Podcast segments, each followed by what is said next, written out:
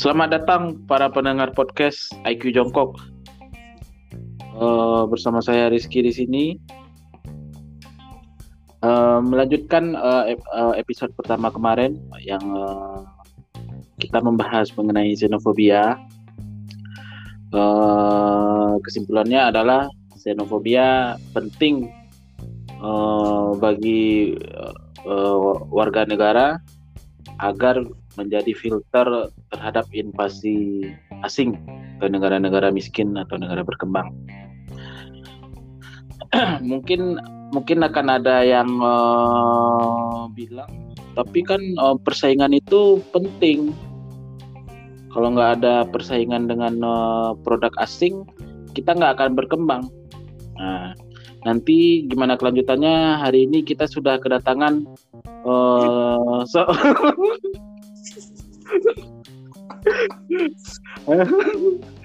Hari ini kita sudah kedatangan seorang uh, warga dari uh, provinsi Sumatera Barat dengan uh, Mas, Mas Agus.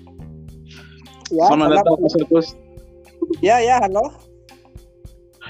Nah. Nah, halo. Mas sudah tahu xenofobia belum, Mas? Mas sudah. Sudah. Setahu aku Nah, bagaimana menurut xenofobia tuh ya eh ma- macam-macam apa macam-macam jadi ibarat kita kita berjual kita berjalan menggelegak-gelegak orang gitulah gitu. Nah, jadi kayak gitulah bahasa bahasa mudah mengerti ah gelegak-gelegak orang gitu. Jadi menurut Mas Agus uh, xenofobia itu adalah adalah apa, Mas? Oh, kan banyak orang-orang di luar sana itu malu kalau uh, mengidap uh, xenofobia. Karena mereka Ma- merasa dianggap IQ jongkok gitu kan sesuai dengan judul podcast ini ya. Nah, menurut Mas Agus xenofobia itu penting nggak untuk mencegah uh, oh, iya, eksploitasi dari uh, orang asing di negara kita? Kalau aku mikirnya gini ya. Orang itu cemas xenofobia, tapi yang ngomongin lapar itu. Jadi kalau itu lapar, orang kalau lap ini aja lah. Kita kalau binatang aja lapar dia tuh mau dia makan eh, anaknya dia, dia mungkin kalau lapar dia. Nah, Ah, dia orang tuh lucu, cemas, xenofobia, tapi orang tuh lapar kan. Jadi gimana me- me- menumbuhkan ekonomi yang setara tuh gimana caranya? Nah, kadang asingnya lucu juga kadang-kadang. Orang-orang kita ini sama xenofobia biasanya kan beda-beda rasa. Nah, dia putih, aku agak masam kulit aku kan. Nah, Nah, jadi kan orang orang-orang katakanlah asing yang datang ke sesuatu daerah. Ha. Jadi Hmm. pas aku ngomong kayak gini kepala aku dengan dengan cepat dia malu aku jadi kayak Hmm, lanjut Mas. kayak monyet bi- ngomong gitu lah ya nampak kan ih orang gemelasnya aku nih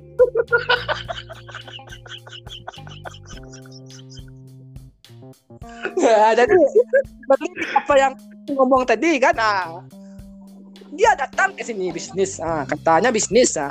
tapi eh enggak bisnisnya udah kata dia dia bangun keluarga katanya gitu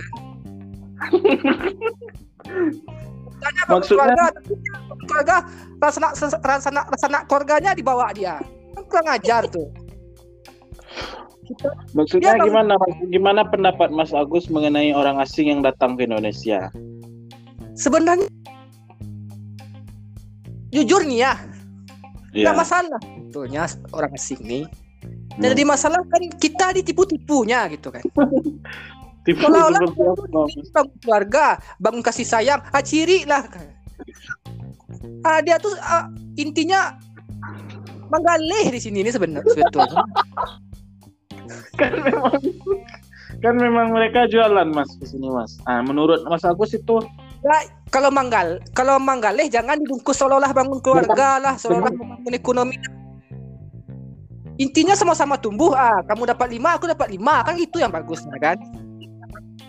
Iya.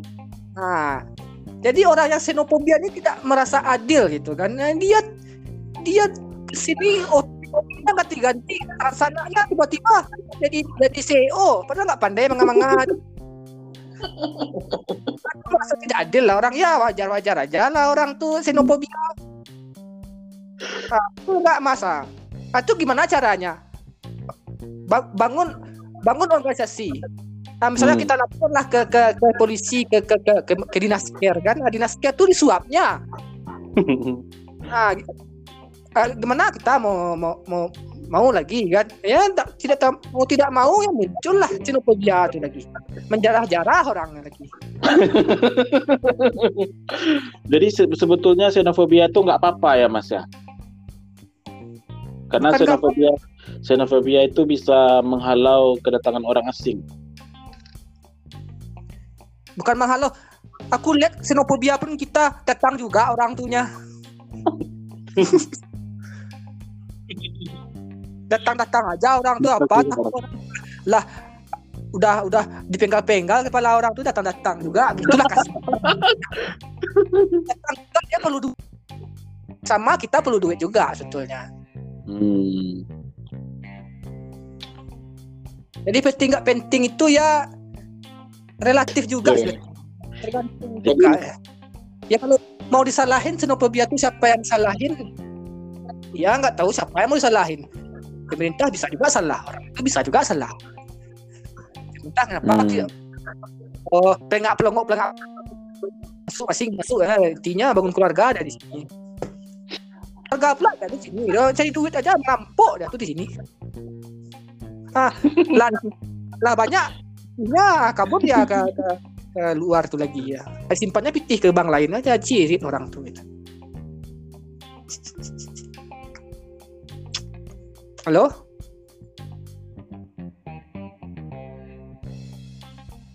Halo Mas Agus, ya ya ya. Sudah jelas Mas Agus. udah udah udah dengar Jadi sebetulnya kalau menurut Mas Agus, xenofobia itu juga nggak berhasil untuk menakut-nakuti orang asing untuk datang ke eh, negara kecil, Mas Agus ya.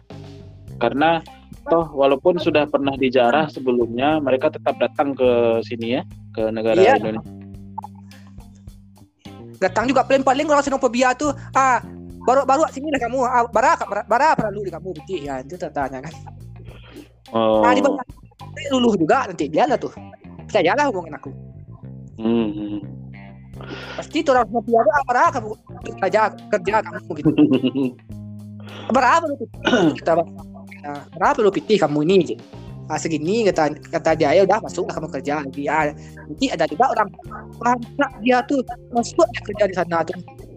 Ada aku nonton film suka filmnya apa filmnya. Itu kali itu. Apa nama filmnya? Lupa aku ya.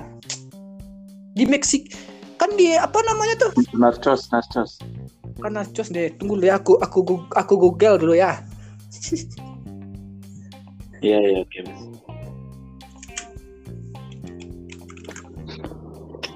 Jadi sebetulnya eh, ekspansi dari orang asing nggak apa-apa, Mas Agus ya? asing masuk ke sini maksudnya Ya, asing masuk ke Indonesia. Atau Mas Mas Agus lebih pro asing nggak boleh masuk atau asing boleh masuk, Mas? Asing boleh masuk tapi kita yang bagak dah. Maksudnya Ah, ngerti. berapa itu? boleh asing tuh masuk tapi kita yang bagak nak kita yang kita, nak kita yang yang takut ke orang asing itu dah Oh, tapi kan mereka yang punya uang, Mas. Mereka yang punya modal. ah itu Otomatis- makanya kan Otomatis Dia- ketika mereka masuk ke Indonesia, mereka langsung jadi bos. apa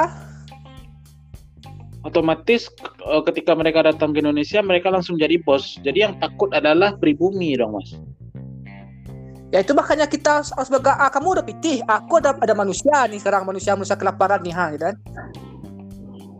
Jadi kamu mau mau kerja di sini ya gimana enaknya gitu kan. Gimana banyak ya cara ad- adil itu gimana gitu biar biar kas ya kalau itu itu angka adil lah dia dapat lima kita dapat lima gitu. Atau kalau kalau kalau kita bagak-bagak betul lah kita 70 dia 25 tapi nggak mungkin kan biasanya orang berduit Iya. kan Namanya orang bisnis kan mau modal sekecil-kecilnya, untung sebesar-besarnya gitu, Mas. ya di situ problemnya Hmm. Jadi ya, sebetulnya lebih banyak eh, dampak positif atau dampak negatif dengan kehadiran eh, orang-orang asing yang eh, investasi ke Indonesia. kalau saya merasa kalau untuk sekarang terutama di kampung saya ini kan di kampung saya ini ya rugi. Soalnya gimana ya? Dia tuh di sini tuh kebanyakannya menjual kerupuk kuah juga dia. Kita pernah bisa kan? Eh, ya kita bisa jual kerupuk buah. Kecuali yang nggak bisa kita ya masuk akal kayak YouTube nggak mungkin nggak mungkin pula kita bikin YouTube. Misalnya ya mungkin mungkin aja tapi kan banyak kan. Mungkin lebih untung YouTube masuk di sini ya, tapi dia jual sepatu juga di sini. Adu jual itu juga di sini kan karena kita banyak sama-sama lah kualitasnya bagus. Tapi masuk juga itu alasannya untuk persaingan. Oh ya ya saya, saya ngerti mas. Jadi menurut Mas Agus eh, yang penting itu adalah eh, boleh eh, eh, orang asing untuk investasi ke Indonesia untuk buka usaha di Indonesia, tapi harus di bidang yang eh, orang Indonesia tidak mampu gitu mas ya. Nah, tidak mampu Jangan Ya, malah bersaing dengan eh, usaha kecil yang ada di Indonesia begitu ya. ah ya Hmm, jadi harus usaha dengan teknologi tinggi gitu ya. Nah, ibaratnya ya memang iya nggak bisa kita ya kayak gini lah. Misalkan Tesla masuk, ah setuju aku Tesla masuk. Tapi kalau masuk pula, eh misalkan Tarompa, nggak setuju aku ngapain Tarompa masuk ke sini gitu misalnya. Hmm. Tarompa kita bisa ada, kalaupun masuk pula, anggaplah bisa masuk, harganya harus mahal lah. Nggak boleh pula. Ini kan Hmm. bisa dikatakan harga tuh lebih murah dia di sana. Iya, harga mereka lebih murah daripada harga lokal lah. Nah itu gimana? tuh? Timpelnya tinggikan pajaknya lah, selesai itu mah. Tinggikan pajak nanti perang dagang. Nah, dia kita, kita mau ekspor oh, bahan mentah ditinggikan juga pajaknya sama mereka nanti. nggak boleh masuk Gimana Mas? kalau nggak boleh masuk bisa juga tapi kalau dia nggak masuk kan Nah itu buktinya Tiongkok Mas. Tiongkok ya Tiongkok tuh makanya Tiongkok tuh hebat Tiong- sekarang bikin Iya, Tiongkok Tiongkok itu eh, kalau mereka untung mereka baru izin kasih izin untuk orang asing eh, masuk ke bi- berbisnis di negara mereka. Kalau nggak mereka nggak untung mereka nggak mau mas. ah ya itulah masalahnya Kayak kayak eh, perusahaan Amerika kayak ap- aplikasi-aplikasi dari Amerika kan diblokir kalau di Tiongkok mas. Nah, kita sanggup terus nggak blokir tuh pasti nggak boleh. Hah? kita sanggup nggak blokir orang orang Cina tuh? Pasti nggak bisa. Pasti banyak orang protes. Hmm, jadi sebetulnya apa yang harus dilakukan oleh pemerintah kita mas? Harus memblokir ter- ah, eh, memblokir teknologi dari asing lalu mengembangkan teknologi di dalam negeri atau seperti apa? Atau teknologi dalam negeri diadu dan bersaing di pasar kita sendiri dengan eh, teknologi asing yang eh, mempunyai modal lebih besar atau se- seperti apa, Mas? ya, kalau aku mikirnya ya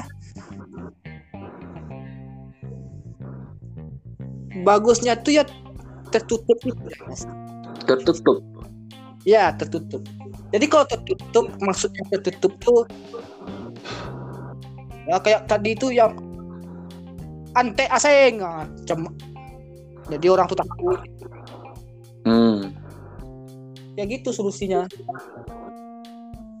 Jadi tertutup dari eh, investasi asing begitu, Mas ya? Bukan juga gimana ya jelasan inilah kalau orang pemalas nih kalau ngomong tuh bahasanya kurang katanya tuh terbatas gitulah. Oh, jadi di, se- di sektor-sektor yang kita tidak mampu Ya, tertutup eh, terbuka gitu, Mas ya? Iya, ibaratnya gimana? sektor-sektor yang tidak mampu di, di, di- dibuat atau diproduksi oleh eh, lokal barulah kita boleh terima eh, investasi dari asing gitu ya barulah kita boleh impor teknologi asing gitu ya tapi kalau Iya. di sektor-sektor yang kita mampu eh, harus diblokir ya Ya, Oh, ya bisa bilang bisa dibilang gitulah, Mas. misalnya kayak bikin sendal gitu ya karena kita Ah, misalkan yang simpel-simpel aja. Oh, bisa bikin sendal juga ngapain sendal harus diimpor gitu ya nah tapi kan ada aja orang bilang tapi kan sendal eh, dari Indonesia harga lebih mahal kualitas tidak lebih bagus dari harga eh, sendal dari Tiongkok Ah, itu Ya, gimana tuh, mas Nah, itu problemnya sekarang kan. jadi Asalnya ya gini aja lah. Apa jelasinnya ya? Kalau kalau kayak nego lah, kayak nego-nego, misalnya kita nego gaji, hmm, nego gaji, nego gaji itu kan sama kayak kalau barang itu kan nego juga gitu kan. ya Nego-nego nggak jelas, nggak tahu modalnya berapa, apalagi barang-barang yang nggak jelas itu nggak tahu harga modalnya berapa kan. Ya kalau misalnya kita lebih berla- berani berargumen sama mereka kan, pasti kan tekan kan. hmm, Jadi maksud aku kalau misalkan sebetulnya kalau bisnis kan sama-sama untung sebetulnya. Eh, kalau dia jual, dia jual kalau dia jual di sini di tanah kita, gitu kan? dia jual apa mas putus-putus dia jual di sini. super mie Di sini maksudnya di tem- maksudnya dia buka bisnis di sini. oh ya Kan sama-sama untung itu sebetulnya. hmm. Maksudnya ya kalau sama-sama untung kan di situlah diadu, diadu lah. Kasarnya pasti pasti orang itu butuh duit juga, kita butuh duit juga kan. Jadi sama-sama Malah pitihang ado itu bahasa orang ah. Ko. Ah, lencak orang aku rancak. Ah, sebenarnya lah itu. Ah, itu tuh yang kurang sama kita tuh. Ya tuh ngaku aja, dapat pitih ah Ah, kasih mas, ya, Anca, basam salam, oh, basam salam kakinya ada, basam salam. eh. Tapi eh, akibatnya kan kalau seperti itu nggak mungkin orang eh, asing itu buka bu- kasih tahu modalnya berapa mas Modal apa? modal eh, barang mereka maksudnya gitu tadi kan Ya makanya kita cari tahu di sana kan di Cina tuh berapa berapa, berapa pasaran barangnya gitu. hmm. Barang di sana lebih murah, masa dia jual di sini? Sama pula harganya sama yang hmm, maksudnya kalau di sana dia berapa dijual modalnya gitu. Kita lihat langsung. Kita bisa pesan barang di otak orang asing tuh. Hmm. Kita adu-adu lah berapa barang-barangnya gitu. Kalau kalau kita barang mereka lebih murah itu gimana apa impor atau atau enggak mas kalau barang dia lebih murah, hmm. kalau aku jadi kalau ja- jadi jadi apa namanya kalau misalkan barang tuh masih ada sama kita ngapain kita impor gitu oh iya, iya. iya. kalau ada barangnya ngapain kita impor kita pakai aja kalau nggak ada baru impor kalau kita ada barangnya tapi kualitas nggak lebih bagus nah itu gimana mas kualitas nggak lebih bagus Hmm. Kayak misalkan eh, beras gitu kan, nah kita kan ada beras mas, Nah, Ah. tapi beras kita tuh banyak batunya, nggak bersih, nah atau gimana? Nah, sedangkan beras mereka nggak ada batu, bersih. jadi situ problemnya juga aku tuh Nah, berasnya tuh nggak nggak pecah-pecah, kalau beras kita tuh udah patah-patah. Nah, beras Hmm. orang tuh utuh. perasaan barang orang tuh nggak juga bagus-bagus tuh lah kita Nggak aja yang barang-barang orang-orang di sana tuh perasaan nggak ada bagus-bagus kecuali yang yang premium barangnya tuh.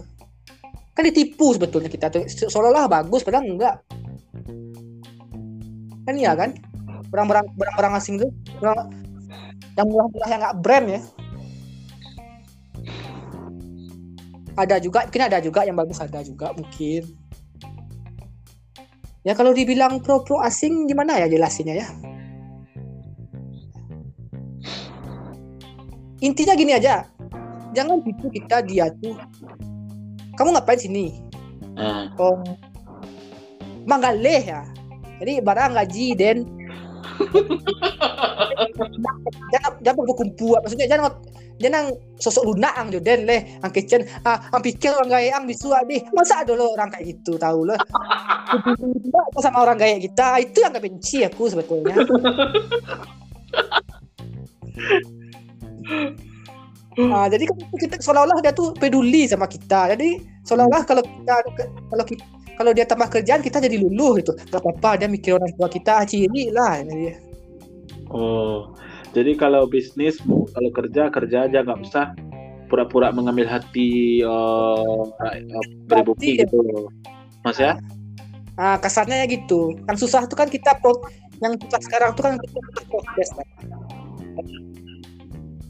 Bos kita tuh udah udah buka pekerjaan sama kita, kita udah, udah terharu. Padahal dia dia, dia intinya kan menggalih sama sebetulnya. kan. Nah, itu sebenarnya. Nah, jadi orang tuh susah protes jadinya. Ya kalau protes, kalau jadi, jadi gimana ya? Jadi nggak enakan lah bahasanya. Hmm. Jadi maksud Mas Agus itu oh, kalau kerja sama orang asing jangan terbawa perasaan gitu ya. Jangan dulu dengan kebaikan-kebaikan mereka karena mereka datang ke sini untuk berdagang seperti itu ya. Ah, ya. Jangan Intinya jangan dengan karena kebaikan mereka eh, kita Jadi, gampang dieksploitasi begitu ya. ah ya. Jadi kita tuh nggak mengambil keputusan tuh nggak net nggak nggak log- nggak rasional lagi. Ada bawa perasaan, tapi di mana-mana pasti bawa yang jadi problem itu kan di mana-mana keputusan itu kan pasti bawa perasaan itu problemnya. Hmm. Di mana-mana pun kan kalau hati orang tuh pasti menjadi Karena di situ celahnya Mas Agus ya.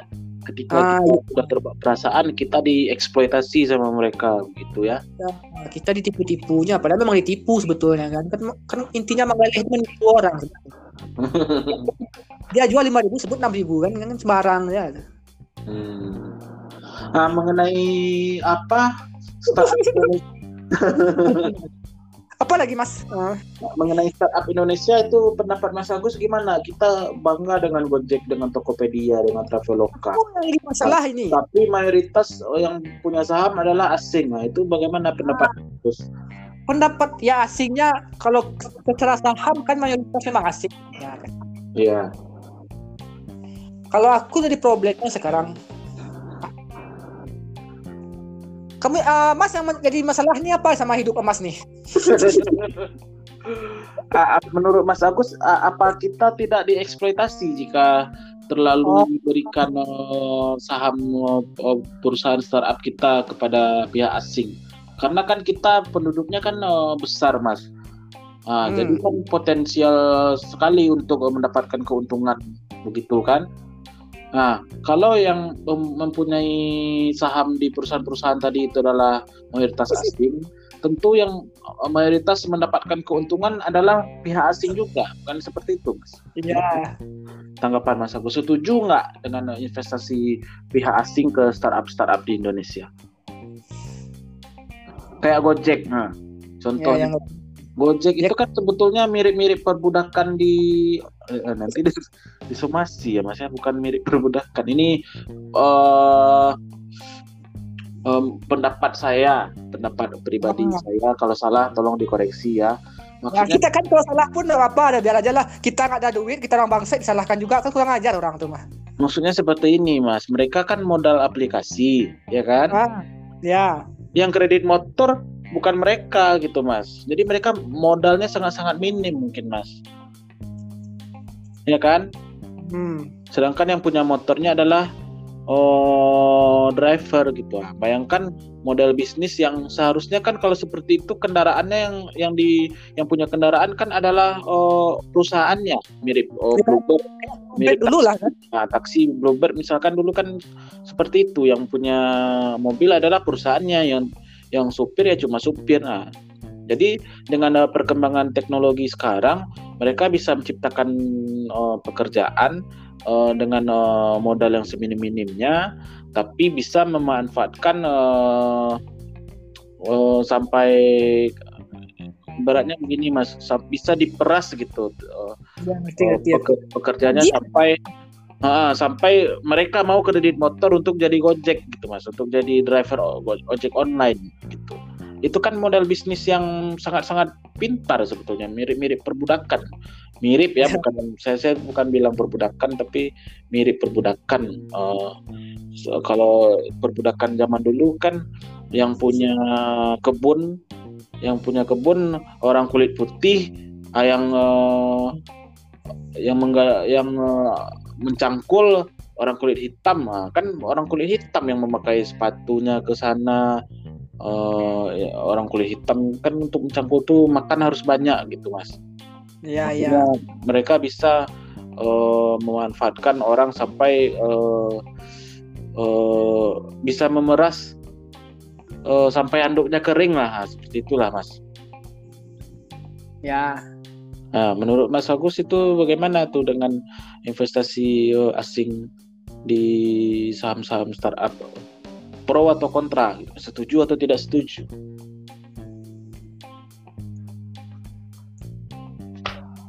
hmm, gimana ya? Aku jadi masalah tuh sebetulnya ya pertama ya dia aplikasi apa contohnya tuh? Gojek, Yang Gojek ya, Goto tuh ya. Goto. Goto. Di mana-mana di mana-mana kan, Mas? Ah. Yang paling untung tuh kan yang yang punya ya kan. Kita eh, jual es kelapa muda, mana yang lebih besar pendapatan yang eh, punya yang digaji, yang yang mana lebih besar pendapatan pekerja atau pendapatan yang punya eh, es kelapa mudanya. Biasanya kan tentu yang lebih kaya itu adalah yang punya gitu kan, Mas. Nah, begitu juga dengan startup-startup itu. Mana yang lebih kaya eh, pekerjanya atau lebih kaya pemilik eh, perusahaannya? Seperti itu mas. Menurut mas Agus gimana? Aku kan dari awal go, aku kan bilang aku marahin, aku tentang orang tuh. Gojek tuh buruk, buruk, jelek aku bilang. kenapa jelek mas? Pertama Gojek tuh kan dia sama, sama kayak kayak tadi kan ujung-ujungnya kalau dulu kita lihat Bluebird tuh kan malah dulu perusahaannya dia yang modal ya. Padahal pernah dia dulu itu kalau 10 tahun mobilnya untuk kita. Hmm. Nah, Mas Nek. Nah, kita ditanya. Jadi katanya misalkan 10 tahun kita kerja dengan mobil itu untuk kita. tuh. Jadi Hmm. datanglah perusahaan Gojek sekarang Gojek Gojek lebih murah gitu. Datang Gojek lebih murah. FOMO gitu kan mau pakai make. Gojek kan sebetulnya nggak ada untung sampai sekarang. Kan dia bakar-bakar duit. Hmm. ya kan? Nggak ada untung. Saham ini, ini kan intinya cuman ah, inilah contohnya. Dia mau IPO inilah intinya. Duit duit kita tuh dipakai pakainya untuk bakar duit. Kan sekarang IPO oh sekarang aplikasi. Itu kan berarti Gojek ada untung. Ya. Biasanya kalau udah udah IPO tuh biasanya perusahaan-perusahaan mau bangkrut IPO biasanya kebanyakan gitu perusahaan-perusahaan yang mau bangkrut tapi yang lucunya sekarang Gojek tuh dibuka lah aplik apa namanya tuh di bergabung lah dia sama sama Toko Media kan. hmm. Tibanya proposal yang dibikinnya tuh apa setelah dia bikin itu kan kalau aku mik- kalau kembali kayak tadi kamu mas bilang tuh mas pro aku pro. Pro maksudnya pro. Pro Kalau- investasi asing. Bukan pro investasi asing. Kalau kalau hitung hitung investasi asing kan sahamnya cuma 8 persen. Hah? persen persen. Bukan 7 persen saham. Kalau udah IPO sekarang kan jadi 7 persen. Kalau aku lihat di berita 7 persen Alibaba ya ibaratnya kalau 7 persen kalau di saham-saham kita Indonesia jadi mayoritas kita bisa jadi mayoritas. Berarti kan dia, dia masih kecil lah. Oh, oke oke aja lah menurut aku kan. Enggak lah kayaknya lebih besar saham saham dari perusahaan asing daripada saham Iya, di- 7% di Indonesia. tapi kita saham asing 40 kali 5 persen ya, ya, ya baru masih ya kan? Maksudnya bisa bisa uh, bisa apa namanya di monopoli mana ada di ini kamar itu Kenapa tapi putus-putus suaranya mas? halo? Ah, jadi kan kalau mas kalau misalnya masih dikit aku pro. Masih sedikit bro. Aku 7% tuh kalau saham saham asing masih dikit. Dari mana mas baca 7%? ada tuh aku, buka- aku buka di Verita. Mungkin aku 7% katanya 7% ya. Kan tuh kalau udah IPO berarti kan datanya kebuka berarti kan? Yang punya kan Alibaba tuh. Alibaba sama Softbank kan? Di, kalau, kecuali saham asing 45% ah, ngap, itu makanya kan? Halo? Halo?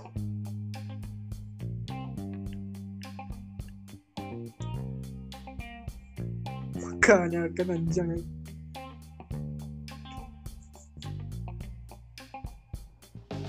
Halo? halo? Ah, halo halo. Ah. Halo?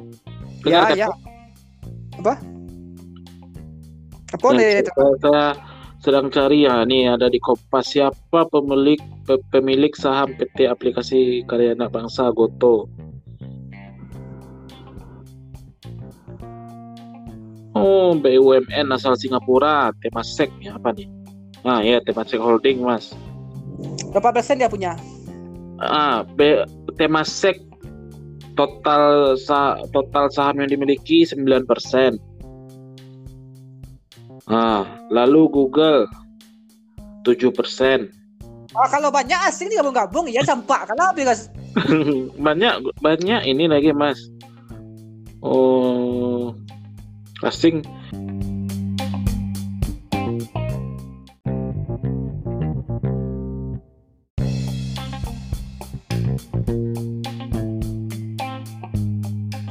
Halo Mas Agus. udah udah mas Udah, maaf maaf terputus Mas ya, ada gangguan teknis. mungkin misalnya kita ngomong-ngomong asing kita pakai HP asing kan ya di blokirnya kita kan Kalau saya lihat eh, da- dari Kompas pemilik saham eh, Gojek itu mayoritas asing, Mas. Iya campak kan tuh ngapain kita beli tuh Nah, jadi yang untung kan asing. iya Orang kan me- menanamkan modal itu untuk untung, Mas. nah, ya itu makanya aku bilang tadi kan kalau misalkan asing tuh mungkin 7% punya anggap se, anggap aja lah 80% tuh orang Indonesia tapi macam-macam kan orang Indonesianya ada perusahaan tepung tepung tani tepung eh, itu eh, itu kan bagus berarti kan secara ekonomi kita lebih mayoritas gitu kan Nah, ini Mas. Hmm. Oh, saya baca dari Kompas, Mas ya. Saham perusahaan hasil merger Gojek dengan Tokopedia, Goto ternyata mayoritas dimiliki SoftBank asal Jepang. Berapa dan persen? Alibaba asal Cina. Berapa SoftBank memiliki 15%, terus apa lagi? Alibaba 12%. berarti kalau 15 27 37 ya? Eh 32 27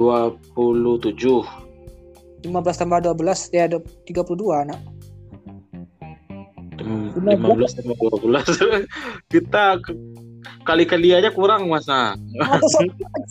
Pasti dah peka kita nih. Ah berarti 15 tambah 12 ya? Iya.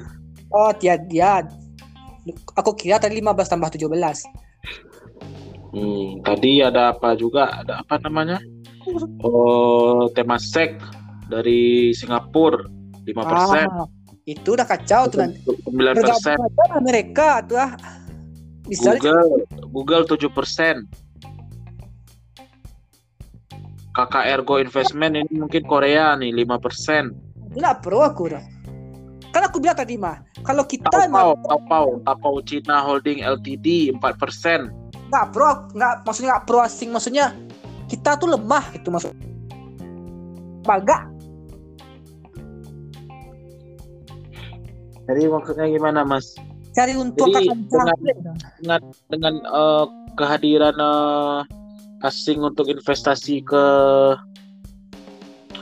ke Indonesia itu menguntungkan kita atau merugikan kita Mas ke, ke- dengan kehadiran eh, perusahaan asing investasi ke perusahaan Indonesia?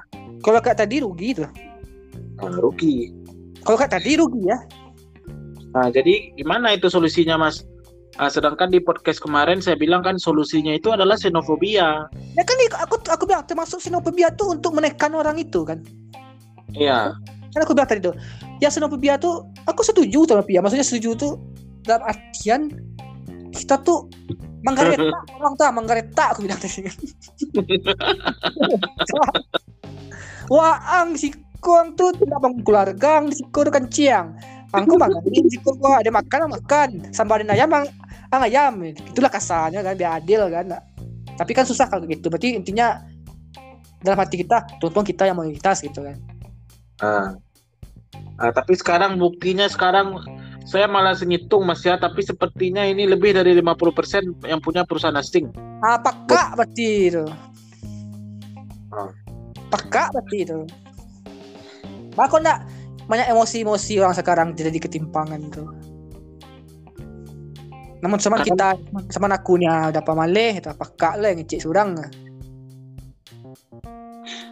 Karena mereka investasi ke Indonesia itu kan karena sudah eh maksudnya secara di atas kertas menguntungkan gitu kan Mas. Makanya mereka datang untuk investasi ke Indonesia.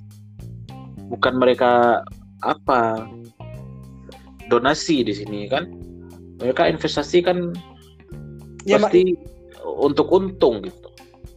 ya kalau investasi kan biasanya kan ada ada ya gini aja lah misalkan di Indonesia tuh tidak ada. Misalkan Indonesia tuh orang asing buat PT misalkan. Ya. jadi kawan misalnya gini aja lah buat orang orang orang asing melakukan kriminal di Indonesia kapan tuh orang bilang sama wadah ada Cina kan Cina banyak kan si siapa yang yang maling di Indonesia banyak siapa namanya Siapa? yang editansil editansil Edi Tansil. ah. Kenapa Edi Tansil? kan karena kita nggak berani banyak utang sama Cina kan bisa aja kita, kita gini woi Cina investasi di sini kan ya boleh kalian investasi tapi syaratnya ada syaratnya tuh jika orang melakukan kejahatan Indonesia aku panggil ya apa istilah bahas bahasanya tuh di apa bahasa Ekstradisi. Ah. Ekstradisi. kita mana berani kayak gitu Nah itu nih mungkin nilai tawarnya kurang. ah itu makanya harusnya kan kalau pemimpin yang berani bagus yang itu pasti pasti bisa lah dia nego gitu ya oke Oh, oke jadi oke oke nanti saya saya bilang buat saya buat peraturan kayak gitu misalnya nggak mau dia kita cari orang yang mau kita cari orang yang mau kayak gitu investasi sama kita. Mana tahu Jepang mau kayak gitu. Ya oke. Aku mau investasi ke Indonesia. Nanti aku buat kalau misalkan melakukan kejahatan di Indonesia, di Indonesia bisa dipanggil. Ah, kan bagus gitu. Amerika aja bisa masa kita nggak bisa? Hmm, Amerika aja melakukan kejahatan di tempat lain Amerika berani. Kayak film Narcos tuh si si pang, di, di Pablo Escobar bisa. Amerika men, terjadi politik di sana kan. Ada gitu. Itu kan tergantung kesepakatan ininya mas ekstradisinya. apa Tergantung kesepakatan antara kedua negara. Iya betul. Kalau kesepak- kesepakatan itu kan berarti kan ada yang kita bawa pasti kan. Apa yang maksudnya apa yang punya gitu kan misalnya. Mungkin nanti secara politik kita ah nantilah kamu bisa bisnis di sini misalkan. Nanti saham kamu lebih lebih tinggi misalkan ya contoh-contoh kan. Hmm, Sekarang ya, misalkan. jadi menurut Mas Agus eh, pemimpin kita tidak punya kekuatan untuk menawar Nah, di ya. dunia internasional begitu ya. Ya ya nggak pandai pelengkap pelengkap aja. Alat tawar AO AO. Aja masuk pikir dia pikir ekonomi itu bagus ah itu dia kurang tuh. Kurang baca, kurang mengecek jurang. Kurang dia tuh orang tuh ya ya ya aja ah, ah, bagus nih ah, ya ah, tapi ah, ya aja ya itulah akibatnya gitu Hmm.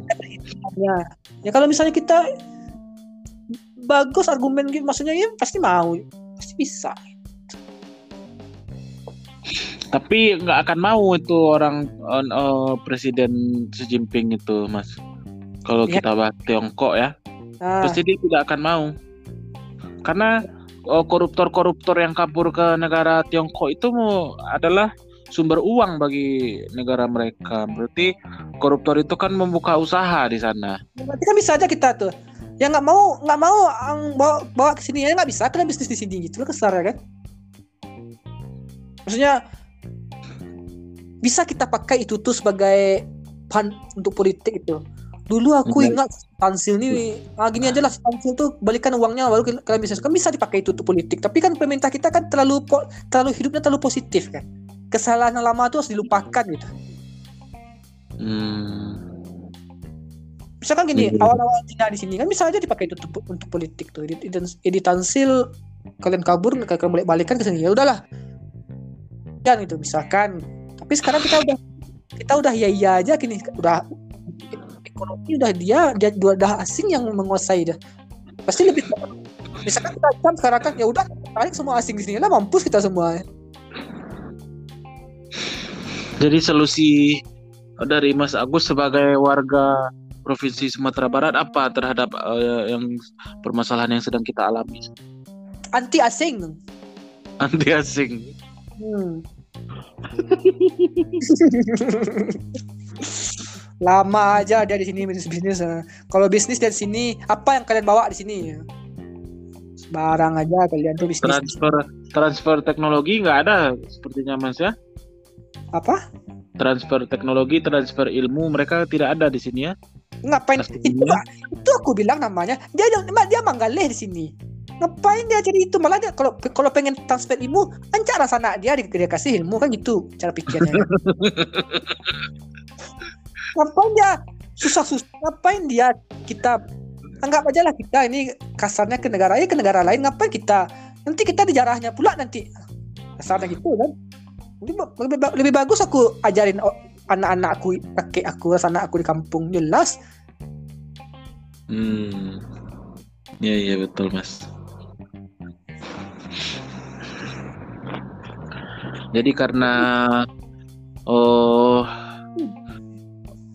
mereka yang sudah datang ke Indonesia tidak membawa kebaikan apa-apa untuk Indonesia, tidak mem- mempercerdas eh, pekerja di Indonesia, tidak eh, terlalu mensejahterakan eh, in- eh, menurut Mas Agus eh, Indonesia ini anti asing seperti itu ya. ya. Lihat ada sekarang kan orang orang dah gara-gara tuh terbelahnya banyak sekarang kan. Biasanya dulu terbelahnya sekarang Cepong Krampet sekarang terbelah lagi. Kayak eh, eh, Jawa Cina misalnya kan. Minang Batak misalnya. misalkan itu terbelah-belah-belah. Nah, itu kan problem juga. Maksudnya problem ya gimana kita cara bisa melawan asing kita aja terbelah-belah gitu kan. Maksudnya terbelah-belah. Misalkan satu sisi orang nih ada yang pro LGBT di sini enggak gitu kan. Dia adu-adunya kita pakai itu kan. Misalnya kita mau nyerang asing nih misalkan kan. Kita mau udah bersatu lah udah bersatu sekarang kita nih udah udah udah pakai tombak sekarang ya. Tapi yang ke tombak nih satu sisi dia tuh LGBT misalkan ah, nggak bisa kalian bertarung kalian LGBT misalkan kan nanti kita terpecah lagi misalkan ah yang satu ini menang ah. Oh, jadi menurut Mas Agus eh, gara-gara itu ya gara-gara berusaha memecah belah Indonesia supaya nggak fokus ah mereka gitu ya. Nah, di situ problem kita sekarang bagaimana caranya kita bikin bersatu gitu. Maksudnya bersatu ya dalam artian ya, kan kasarnya gini deh. Misalkan asing tuh masuk gini aja lah. Shopee tau kan Shopee COD dia kan. Iya, iya. Ah, terjadi eksploitasi kan. Nah, COD kita kembalikan lagi bangkrut dia tuh mah. kita suruh orang Sumatera Barat satu juta orang pesan COD itu balik balikin lagi barangnya. Orang Jawa dua- 20 ju- eh, 2 juta orang pesan COD balikin barangnya lagi. Ah, ah, rugi orang tuh misalnya orang orang Shopee itu nanti. Apa ruginya Mas? Tidak ada rugi yang yang mengirim barang kan penjual. Setahu aku Shopee itu kan kalau misalkan barang dibalikan Shopee ngerti. Aku nggak tahu juga kalau udah atau Shopee udah pintar sekarang kan. Tidak, tidak. Ti- Shopee tidak. tidak tidak rugi apa-apa, Mas. Tapi yang yang kalau misalnya membalikan barang itu yang ganti siapa sekarang? Setahu Mungkin aku ekspedisi yang rugi rugi ongkir mungkin. ekspedisi ya berarti. Ya setahu aku Mungkin. ekspedisi itu kan orang-orang sahamnya itu juga kan. Iya, iya. Berarti kan dia dia ada rugi itu kecuali ya misalkan barang kita yang hilang ya itu kan modal-modal kita. Kalau ya kita lihat lah barang orang itu kan itu itu aja. Bis- ke apa namanya tuh? Yang saham-sahamnya kan itu itu aja ya. Kayak Indomaret Indomie dia, dia juga yang punya. Jadi se- se- secara secara harga dia bisa gitu mas ya? Dia bisa pas di Batam harganya segini, pas di Papua segini kan karena enak dia aja bisa nunjukin harga. Dia. Ngatur semuanya pemilik sahamnya dia dia aja tuh ngangguk-ngangguk aja dia. hmm. Maksud aku ya kalau misalnya tadi ya misalkan kalau misalnya ganti masih JNT ya JNT rugi lah nanti ya tuh. Ya pasti dia takut tuh. Ya udahlah Pak. Kalau misalkan Bapak misalnya terjadi kan online tuh kan ngeri sekarang kan. Maksudnya takutnya nggak besok kita kan barang-barang kita barang-barang Indonesia tuh yang aku pernah baca tuh apa namanya tuh yang kasus yang lagi viral kemarin tuh kasus kasus ah, barang-barang dari Cina nih barang-barang oh Mister Wu eh, Mister apa? Ah, Mister Mister apalah gitu ya? Ah, ya. Jadi aku yang cemas kayak kayak aku misalkan jualan jualan online sekarang kan. Hmm. Kerupuk lah. Ya kalau pasti pasti lebih menang dia mereka tuh bisnisnya modalnya lebih tinggi kan. Kalau online tuh kan itu buruknya tuh. Jadi kalau misalkan dulu sekarang kan kalau kita mau jualan di di sum, di, sum, di Sumbar kan misalnya di Sumbar jualan ya berarti butuh, butuh ongkos lah kan. Butuh, butuh ongkos lah berarti kan mahal harganya jadinya kan di situ susah dia bersaing kalau sekarang kan online gampang bersaing. Satu sisi kadang kan orang kita tuh kan di mainannya di mainannya candu kita tuh. Dikasihnya voucher ongkir. Pada voucher ongkir kan voucher ongkir itu tuh rugi. Mainkannya candu kan kita lihat orang online tuh. Jadi candu orang padahal nggak guna beli beli aja apalagi cewek-cewek sekarang hobi jual. Ya cowok cowok pun gitu juga sebetulnya. Kan lihat online kan kadang tagi-tagi beli kan? Tagi-tagi beli. Tagi-tagi beli ya tak beli juga. Dikasihnya voucher merah. Ya, itu kan sebetulnya itulah ada penipuan kencing orang tuh voucher voucher lima puluh persen minimal belanja lima puluh ribu. Maksimal voucher sepuluh ribu ya kencing orang ya wajar aja lah. Ini namanya menggalih itu menipu menipu. Sekarang itu bilang menggalih itu secara kasar kan menipu orang sebenarnya. Menggalih itu kan. Ya, ya, ya. itu makanya ya menipu kan. Ini harga lima ribu sebut enam ribu ya Eh, itu makanya aku bilang tadi balik ke yang aku bilang tadi. Ang di sini ini mengalih aja nggak usah bangun bangun keluarga. Kalau bangun keluarga aja di rumah deh kan itu kasarnya. Mangga ada keluarga dan juang gitu lah kasar dan batasannya sebi batasannya bisnis doang sebenarnya. Ini usah orang gaya ini kan ciang. Pulang pulang sih lah. Ah itu aja itu kas. Tak itu sana maksudnya jadi kan kalau ada masalah kita tuh pas marahnya tuh kan tak tahu tak tak guncang semuanya. Bisa tuh itu yang aneh ya tidak perlu masuk akal. Ah kan itu apa dia tuh munculnya baciri cek orang kan. Dia tidak perlu dikecian cek orang Itu, soalnya aku pernah mengalami mas. Apa tuh mas? Ya orang asing tuh takkanlah dia adik aku. Ah pikirkan adik deh ya nanti besok adik tuh agak pitihnya adiknya Aku terharu aku sama sini adik sih bakar aja di sana deh Anjir, orang-orang asing ke sini tak kenal adikku. Tak kenal dia adik aku ngasih duit karena di mana. Terharu aku ya ciri kan otak aku. Nah, itu Dimas kan? Aku terharu gak sih untuk nah, apa tetap kadang air mata aku pas dia ngecek itu ya.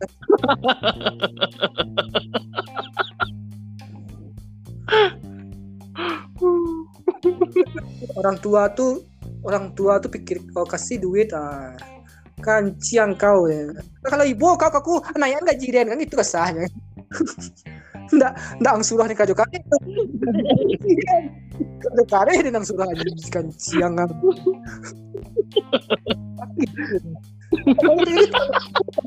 Berapa dia lebih itu gitu. Ikaw ng ibo din ang surah mo kajo kare din. Ato na ibo din.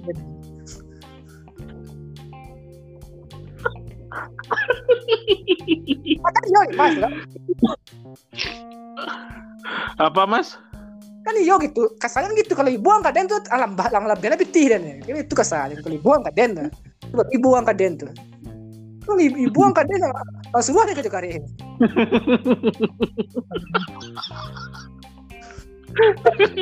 Tahu sama aku orang-orangnya di situ lah masalah kita tuh ya kita tuh terbuai gitu lah.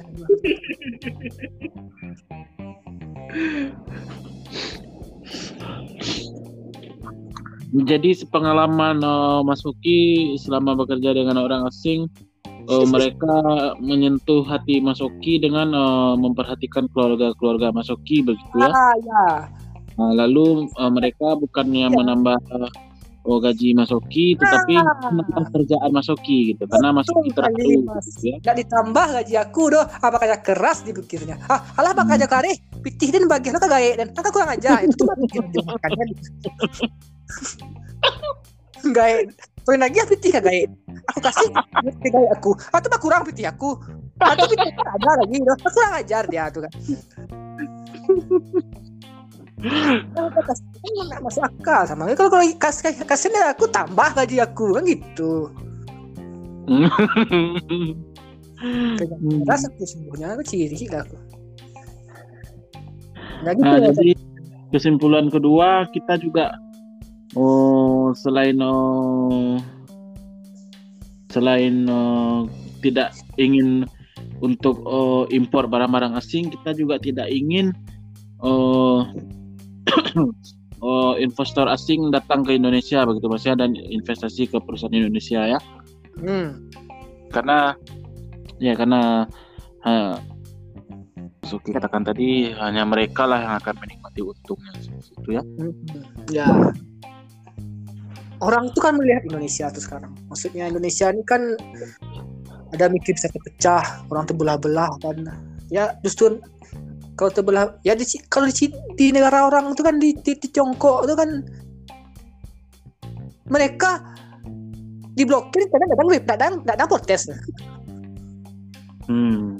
ya protes ada protes gitu.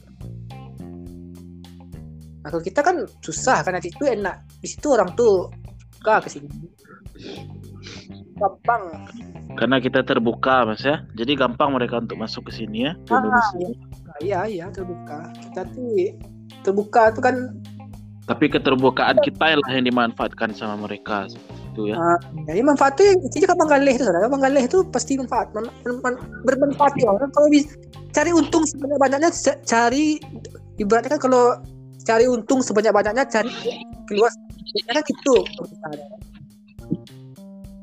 rumus orang mengatakan gitu Jadi cari untung sebanyak banyaknya cari kalau belum bisa duit sekurang kurangnya keluar gitu Iya. Modal sekecil-kecilnya, untung sebesar-besarnya kan seperti itu. Nah, kan gitu. tuh. Dari mana pula orang kalau kita kan dua tahun kalau kita apa, cari modal se oh, cari untung sekecil-kecilnya cari cari modal sebesar-besarnya nggak mungkin gitu kan. Kalau dibalik Ya, betul.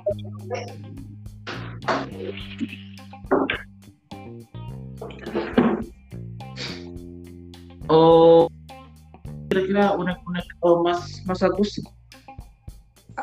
mengenai ya tapi ya lah maraboa maraboa memikirnya masalah kadang kan sih darah awak orang dia pandai nih Ah, so- kata-kata aku nanti di, di apa masalah kamu ya ada dua lah di sini pandai orang tuh nanti orang tua tuh pandai orang tuh tuh.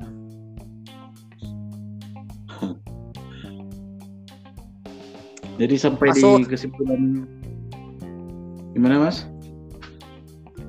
ah ya ya ya itu kebilang nih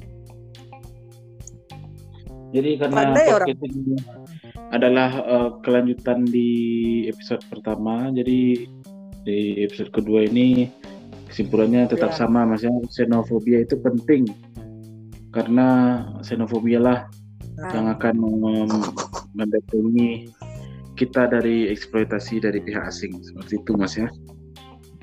Hmm. Dulu kan pernah tuh.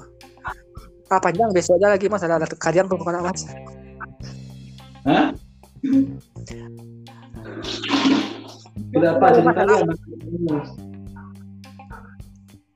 Lo? Ah dulu kan pas nah, tuh ingat aku dia kita kan tahu kan maksudnya prestasi paling besar itu kan daerah Tongko kan nah Ya.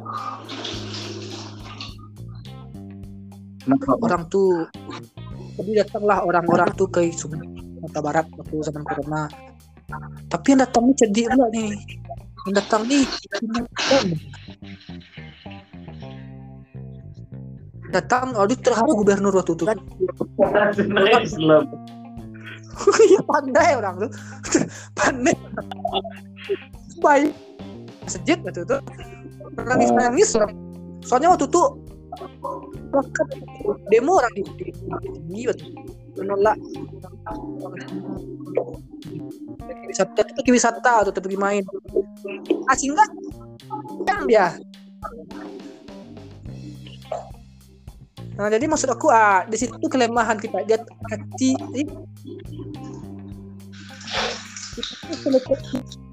hal yang se- seperti itu kan. Oh gitu sama kayak aku tadi. Kanan orang mungkin itu dia ada. Itu kan wisata ke situ kan bisnis juga. Ya. dia pergi ke sini sudah untung juga. Untuknya Ya. secara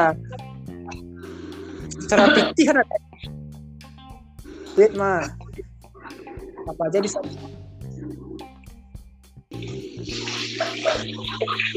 Nah, itulah hebatnya Ya, salut juga itu demo demo orang waktu itu. Kan kan penolak itu mah nggak masuk akal gitu. Sekarang dilakukan menurut aku lagi yang kayak gitu. Kan masuk akal ngapain lah orang demo. Orang kan ada wisata di sini. Hmm. Mau investasi apa dia di situ, Mas? Nah investasi dia tuh pergi wisata. Jadi dia tuh kayaknya kita kan tahu kampung ini ini kan orang-orang orang Cina kan cemas.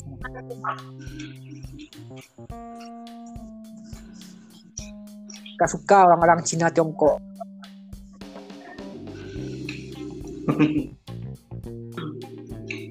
Ya, Ah, orang kenapa kira-kira apa? orang di kampung Mas tidak suka dengan orang Tiongkok, Mas? ya dia gak dia Jadi Galia seperti apa? Apa Galia itu, Mas? kan gak bisa dia putih gitu dia seragam bentuknya jadi nggak tahu dia tuh itu kita protes berganti dia wajah dia Hmm. ya cerdik lah orang tuh maksudnya nggak tahu kita tidak tanya kampung dia di mana. Kampung dia di Cina. Eh di Taiwan. Ternyata Taiwannya Cina. Bingung ya negara ada tuh. Ah, Hong Kong itu beda. Apa itu lah.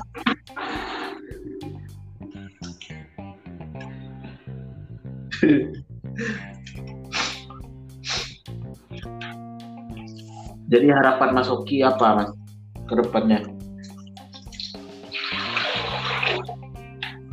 apa mau nak dulu lah tidak, tidak ada harapan mengenai ya nak ada harapan. apa harapan tuh apa harapan tuh ya. Harapan kepada pemerintah. ini kok Iya. harapan pemerintah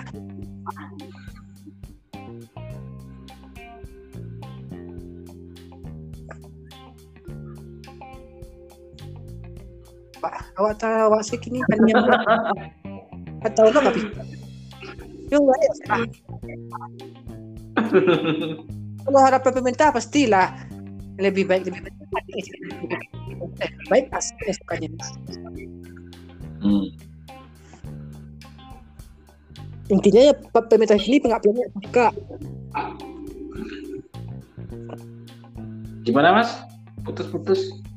Ya intinya pemerintah sekarang kan nggak bagus nggak Oh, ingin Mas ingin segera ditukar. kalau tukar ingin lah Hmm. Kalau pemerintah kan kalau konsep pemerintah pemerintah itu aja gitu pemerintah artinya presiden ya.